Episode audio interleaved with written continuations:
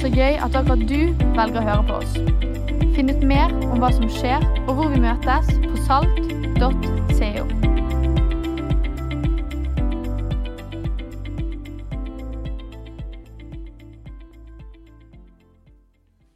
Super good to be here and to good, be in this building. And over the next period of time, as the church begins to open up globally and we get back to the things we do, this place is going to be jam packed with people. You're going to see a great move of God, I believe, as people are restored in their lives as they've been through a very difficult time. And uh, this has been a strange time for every single person on the globe. I've had the opportunity, maybe some of you as well, to talk to people around the world and what's been going on in their world from Africa to Australia to America and so forth. And it's been the strangest time. But I've been watching one thing. I've been watching how our leaders and their teams navigate this time. And I'm super proud of your pastors. Uh, you have navigated this period really well. Uh, there's always other things happening around life, but both of you, Øystein and Gina, have done so well, and I'm proud of you for that. It's, it's a difficult time. Not everybody navigated it so well. And, and, you know, my wife said to somebody the other day, this is the first time in 20 years I've had this many meals at home with my husband. That's I, I was terrified. Is, am, am, I away that lot, that much? Uh, it was a funny time for us because I hadn't been home much, so she'd often send me to the garden to do some work and then bolt the doors. I couldn't get in for a couple of weeks. It was terrible. I was living outside in a tent. But um, here we are, and you've navigated this and your team.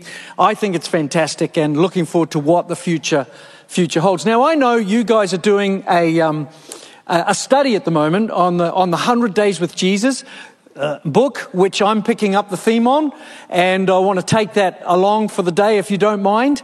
Uh, I noticed you were, I've figured it out now, you were advertising SAOP, soap, SOAP, sorry, soap. Uh, I thought you'd change your name from salt to soap, and it was a new presentation, but no, it's just a way of reading scripture. I realise why you're not laughing at my jokes, they're not very good. And also, you're converting it second over to second language. I'll go a little slower for you. I think these jokes are awesome. I really do. So do my grandchildren, funnily enough. They don't speak English. Now, we are picking up that thing. I want to take a, a verse of scripture uh, with us right now from the book of John. Let's read this out together. It says there in John chapter uh, 6, chapter 4, verse 50. I can't read the text. I can't read the, the thing. John 4, 60, right? Oh, great. I didn't know that one had 60. Does that have 60 verses? No, what is that about? There you go, my mistake. For my Father's will is that everyone who looks on the Son and believes in him shall have eternal life and will raise him up on the last day. Look, there's a couple of things in there. The first is it says that it is his Father's will. When you read the word will, that's not an idea. That's not a proposition. That's not an optional thing. That is a statement of God's intent, His purpose, His plan, His desire. I don't know about you, but the will of God is a staggering thing even for Christians to unfold. Uh, this year or last year, I wrote, sorry, it was two years ago, I wrote a book on the will of God. I, have been fascinated with this idea for, for Christians for many, many years. I think the theology of uh, the church, Calvinism, Arminianism, whatever you care to, to place yourself, is very much about the salvation moment and finding Christ, but doesn't help us unpack how to do life on a daily basis for 40 or 50 years. I've been a Christian 47, 48 years now. And I've always been intrigued what is God's will for my life? And here's one of those things this is His will for you that you look to Jesus and you see in Him everlasting life. Now, I don't know what your experience was when you became a Christian, when you found Christ. And maybe you're here today and this is all new to you. You know the building and you've been invited, you've been a few times, and maybe you don't understand what it's all about entirely. but you were seeking something in your life. That was me at around about 17 years of age. I was, I was living a miserable life. It was in the 70s, of course, and, and that, that was a strange uh, decade as well. I was, I, to be honest, I was hooked on all sorts of stuff that you could be hooked on alcohol, drugs, everything. And I was just living that life where uh, I didn't know if I was going to wake up the next day. Uh, there's so many stories around that that I could tell, like you have. And, and I remember my mum dragging me along to a church service on a Sunday night. And I went into that service and I saw a lot of people rejoicing and praising. I didn't understand it all. But in my heart, there was a cry to reach out for something. I, didn't experience anything right there, but I came home and I sat on the kitchen bench and I remember at 17 crying out to something up there. I said, if there's somebody up there, somebody, something, Jesus, I don't know who you are. I knew nothing really about these things. If you come into my life, I will give you the rest of my life. I want to change now. And you know, that moment, it was like a lightning bolt from heaven struck me very hard, almost physically, and a straitjacket, you know, those things you, you're tied up in and you can't move, just fell off. And in a moment, I was born again. I became a Christian. Do you know, I remember that every single day. And I think about what that verse says. It talks about that now it's not just about this present life, but something beyond, something greater and that is eternal life. At my age, let me tell you right now, eternal life becomes far more interesting than it was at 17. It's an interesting thought though, because the scripture starts to reveal to us the nature of who Jesus is and what his impact on our life is, not just for the now, but for the future it starts to reveal to us the power of a relationship with Jesus that is all changing. Fortunately, I can say for the last 47, 48 years, I've just followed my course. I've followed Christ. I've followed Jesus because that there became a part of my life that changed everything. Every day, as I said, I still think about it. I wake up in the morning, sometimes it's on my mind, or later in the day, I think about it. Not a day goes by. That change moment but you know, when you think about how you discover as being a Christian, I said, I want to know the will of God, what it is as I travel through life, not just as it is in uh, a moment when you experience them, but how do I do this on a daily basis? The Bible teaches us, or we're taught, that there are two types of revelation or experiences of knowing God. The first one's what's called a general revelation. That is the idea that there's a general picture of God as existent. I came in today on the plane, um, of course, this morning, and as I came into Bergen, well, it was pouring with rain. Nothing has changed in Bergen that much. Uh, although he tells me it hasn't rained for so long, it's not funny. But I got here and it was like the last time I was here two years ago, raining. And you come in, but you start to look over the landscape and you can see the, you can see the trees turning. Autumn is coming, the colors. You look at the, the way the land is shaped and formed and how we have uh, taken that land and built houses on it and, and it's caused form and shape for us. And you look at the beauty of nature and you see the power of what God has done in nature. That's a general revelation. There are very few people that can't that cannot see something beyond themselves when they look at that revelation of God.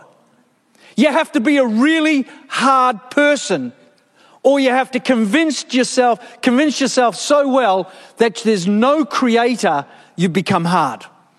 Because you look at creation and there is, but there's, there's another thing called a specific revelation. That is a special or given revelation for a moment. And one of those is scripture.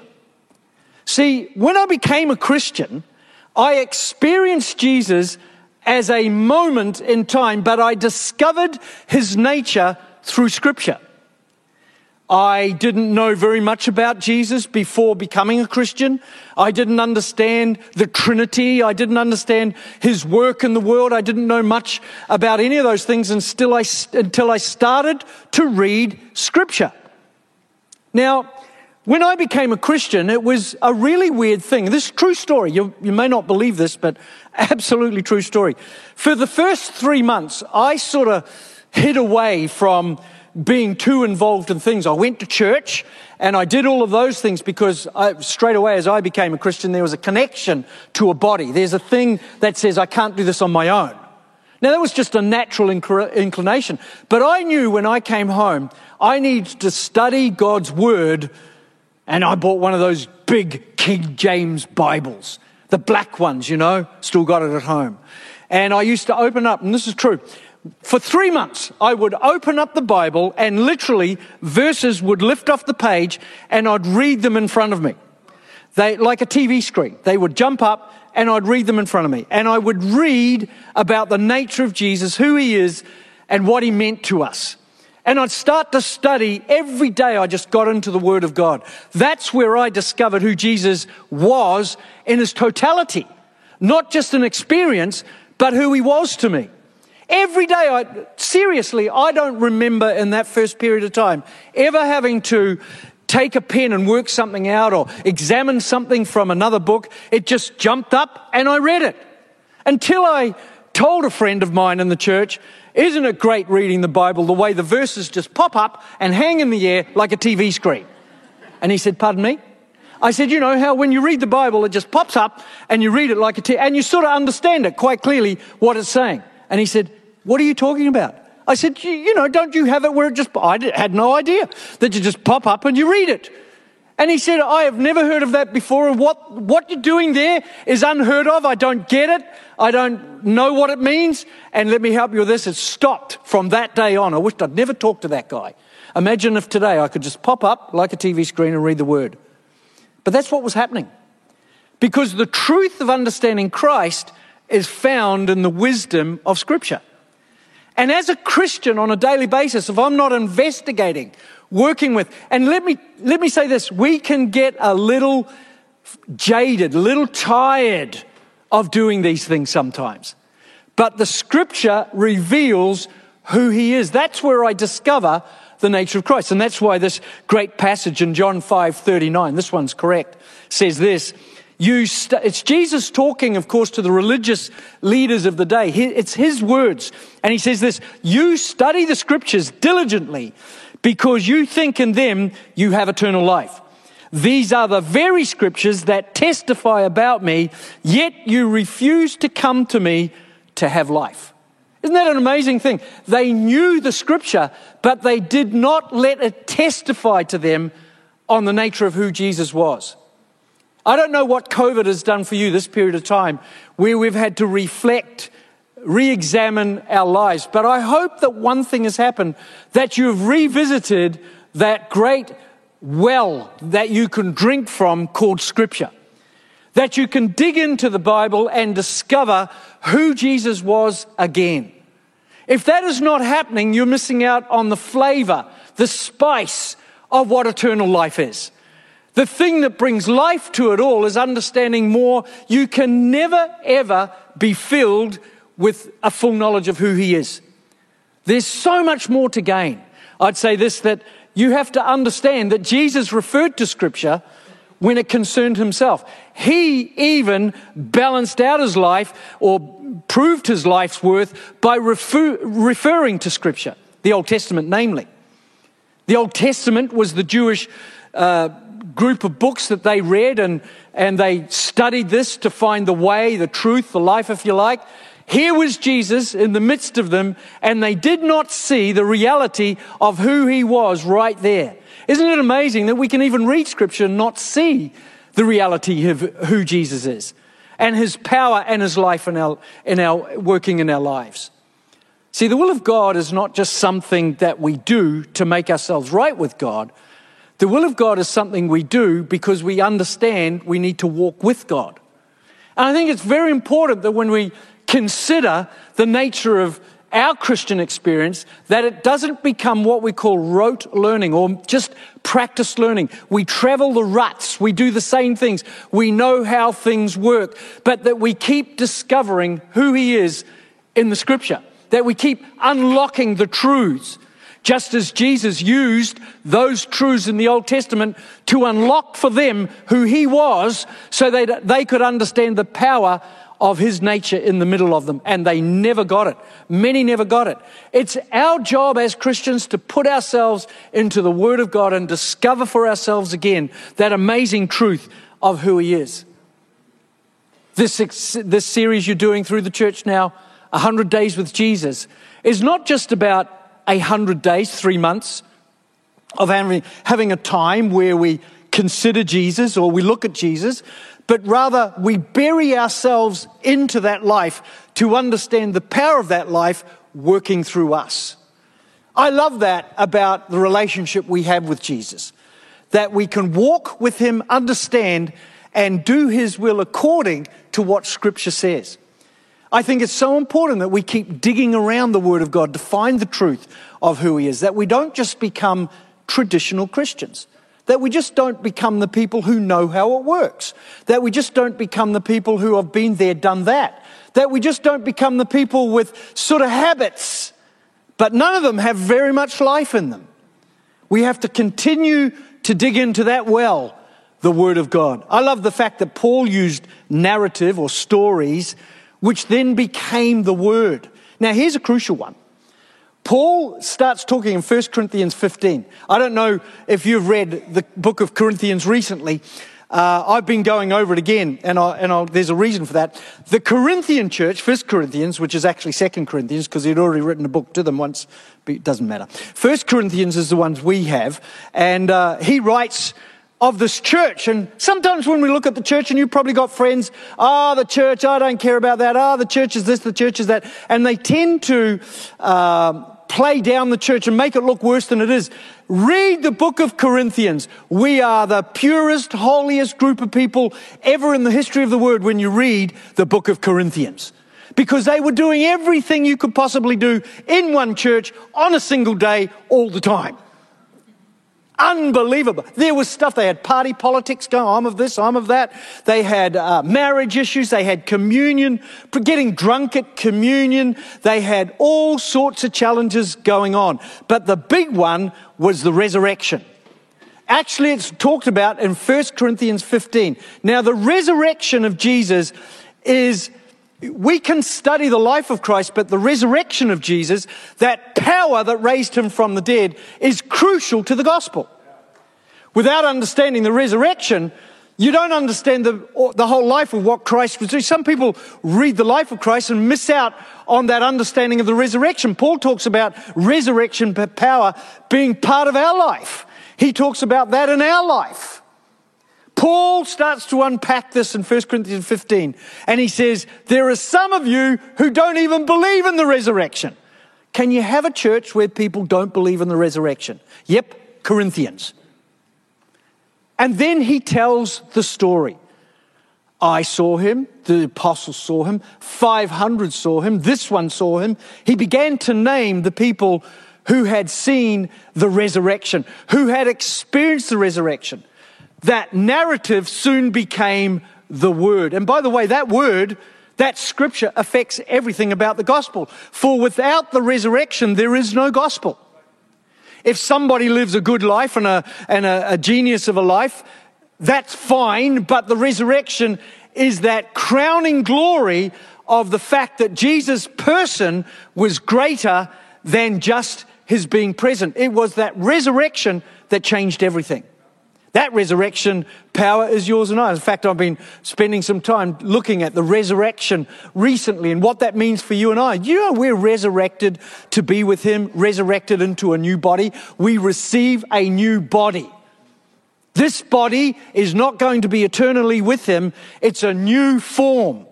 And I've picked mine out. It's Arnold Schwarzenegger's body when he was about 25. I don't want his head, that's different. But I want the body. I want that, that change of body because we can't be present with Him without that change. And Paul begins the story and tells the narrative which becomes scripture that we trust in and believe in. The resurrection isn't something, isn't, you might have experienced it through knowing Christ. It's not something you'll experience literally till later, but the scripture teaches us how the resurrection works. Read 1 Corinthians 15 and you'll discover that. I haven't got time to break it down now, but it's an amazing passage. It also says, I think what we have to be careful of, that we don't become what I call red letter Christians or readers, red letter. Now, that's going back to the old King James version of the Bible where the words of Jesus were in red letters. I don't know if you did that in the Norwegian Bible, but somebody went through and whenever Jesus spoke a word, they were written red. You could always, it was almost similar to them popping out in front of your eyes like a TV screen, except they were colored red. And you know, I've met lots of people who I call red letter Christians. They read the red bits and forget the rest. But from Genesis to Revelation, there is an understanding of who Jesus is. And, and I challenge you to just take your glasses off of, of where you're at right now and read from Genesis to Revelation with Christ in mind and who he is. Every single book exposes the nature of who Jesus is. And it tells us about that life he lived and how it makes sense. When you read the Bible, it's a good idea to just read it to find Jesus. When you read scripture, just open it up anywhere you like and start looking for Jesus. You'll find him in there every single time. Some people talk to me, you know, but uh, the scripture, is it really that authoritative? Is it an authority? And I think some people make the mistake of the word authority meaning control. Whenever we talk about authoritative leadership or authoritative politician, we often think about control. But I want to flip the word slightly and, and give it this meaning to you. Authority means we get the right answer. When you go to an authority, if you're sick or somebody you need to talk to about a situation, you look for an, an, an authority, not one who lords it over you, but rather one who knows the answer. And the great thing about scripture is it's an authority to us because it gives us the answers. In fact, actually, in that book I wrote, which you can get later on today, of course, I'm not coming here without selling a few books to feed hungry children. I've got two of them.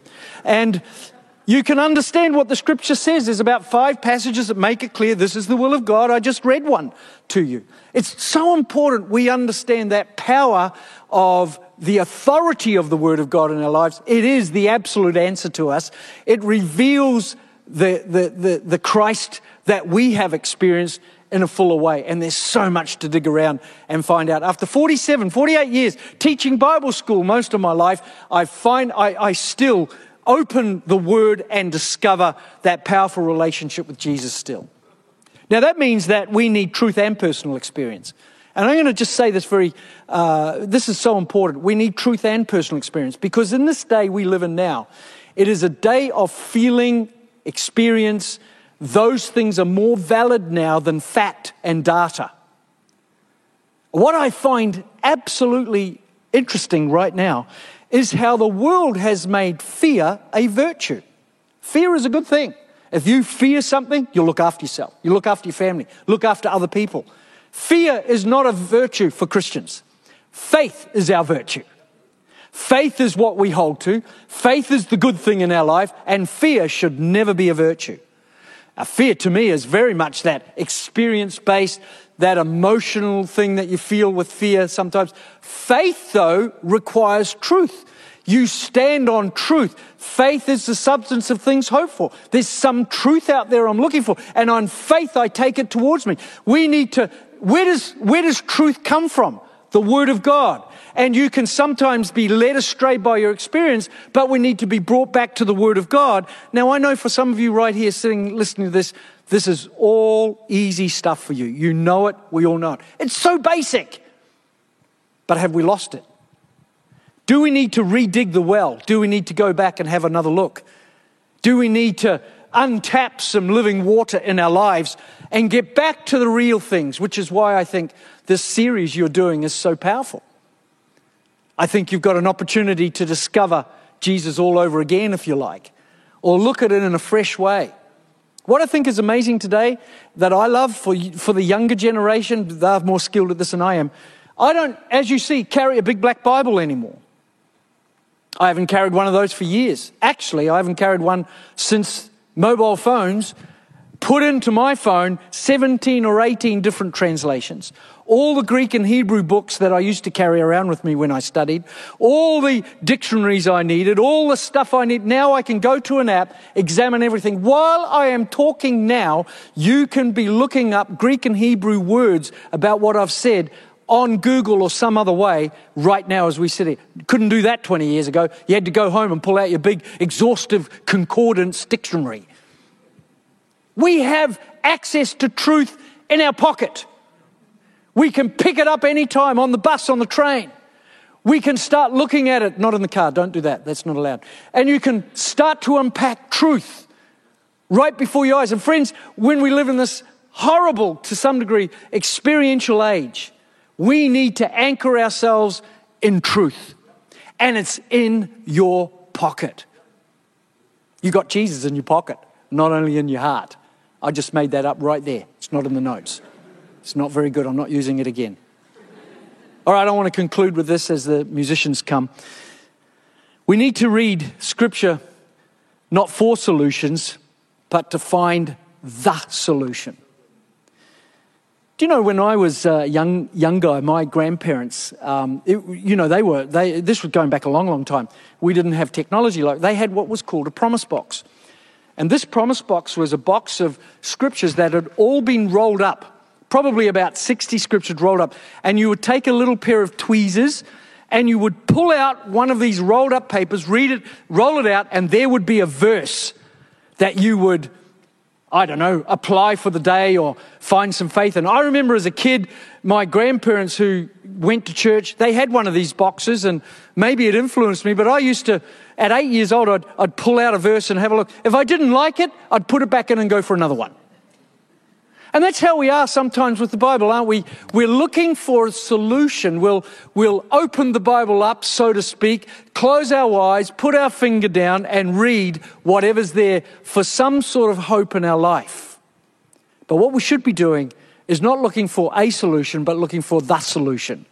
Because the scripture is all about Him. No more, no less. Now, there's a lot of other stuff there, but He is the reason we read it.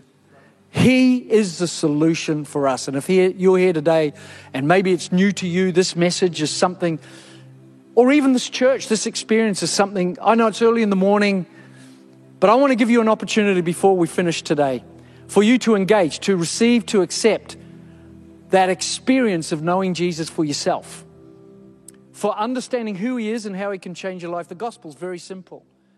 It is that, that we need, We need a change. We need something new. Takk for at du hørte på. Håper vi snakkes enten her eller i kirken neste søndag. Ha en nydelig uke.